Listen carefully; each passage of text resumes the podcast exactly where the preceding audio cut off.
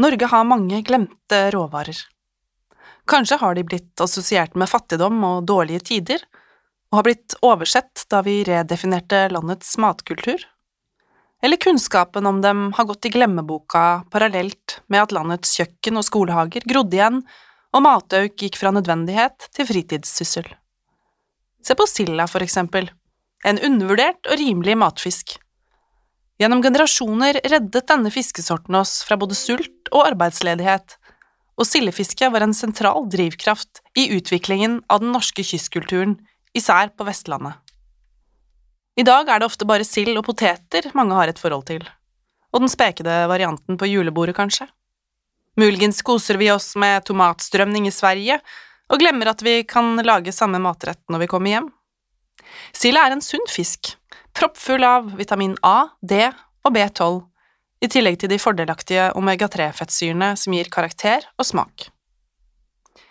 I oppskrifter i ren mat kombinerer vi gjerne sild med andre norske ingredienser. En ting sild gjerne kan kombineres med, er svartrot, en spennende grønnsak som både kan stekes, kokes, gratineres og moses, men som brukes altfor lite her hjemme. Svartrotens kallenavn fattigmannsasparges gir oss også en pekepinn til hva som var råvarens rolle. Mange har hatt den i hagen, som et tilgjengelig og billig alternativ til asparges. Fordi den kan høstes på våren, kalles den også vinterasparges, men kanskje kjenner du den som skorsonnerot?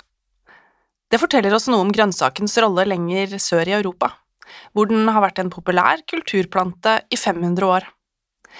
Første gang den nevnes i vestlig litteratur, er i 1575, da skribenten Leonard Rudolph fant den på et marked i Aleppo i Syria. Det internasjonale navnet stammer trolig fra det franske ordet for huggorm, sconson, da man antok at roten fungerte som motgift mot slangebitt. Svartroten tilhører kurvblomstfamilien og er en lettdyrket flerårig grønnsak. Den tåler kaldt klima og brukes både som rot og bladgrønnsak. Blomstene er fine i salater. Med sin crispy tekstur kan svartroten være litt vanskelig å høste, da den brekker lett. Her gjelder det å være tålmodig og bokstavelig talt ta den forsiktig ved roten. Og husk å legge nyskrelte røtter i eddik eller sitron, siden de fort misfarges. Har du et par røtter til overs? Gratiner i ovnen med fløte, parmesan, hvitløk og muskat, skjær i tynne flak med mandolin og friterte smakfulle chips eller rist i pannen med hvitløk og timian. Når er noe egentlig rotnorsk? Den prisbelønnede kokken Tom Viktor Gausdal har beskrevet husmannskosten som et uttrykk for en annen tids filosofi.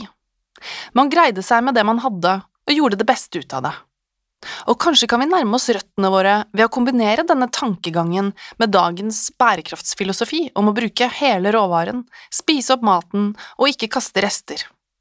Ta det du har for hånden, det som er lokalt og lett tilgjengelig, som metter og som er sunt.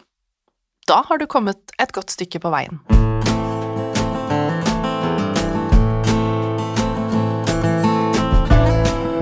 Hvis du likte det du hørte, kan du gjerne gå inn på renmat.no og bli abonnent på papirmagasinet Renmat. Magasinet kommer ut hver sesong fire ganger i året. Du finner oss også på Instagram og Facebook.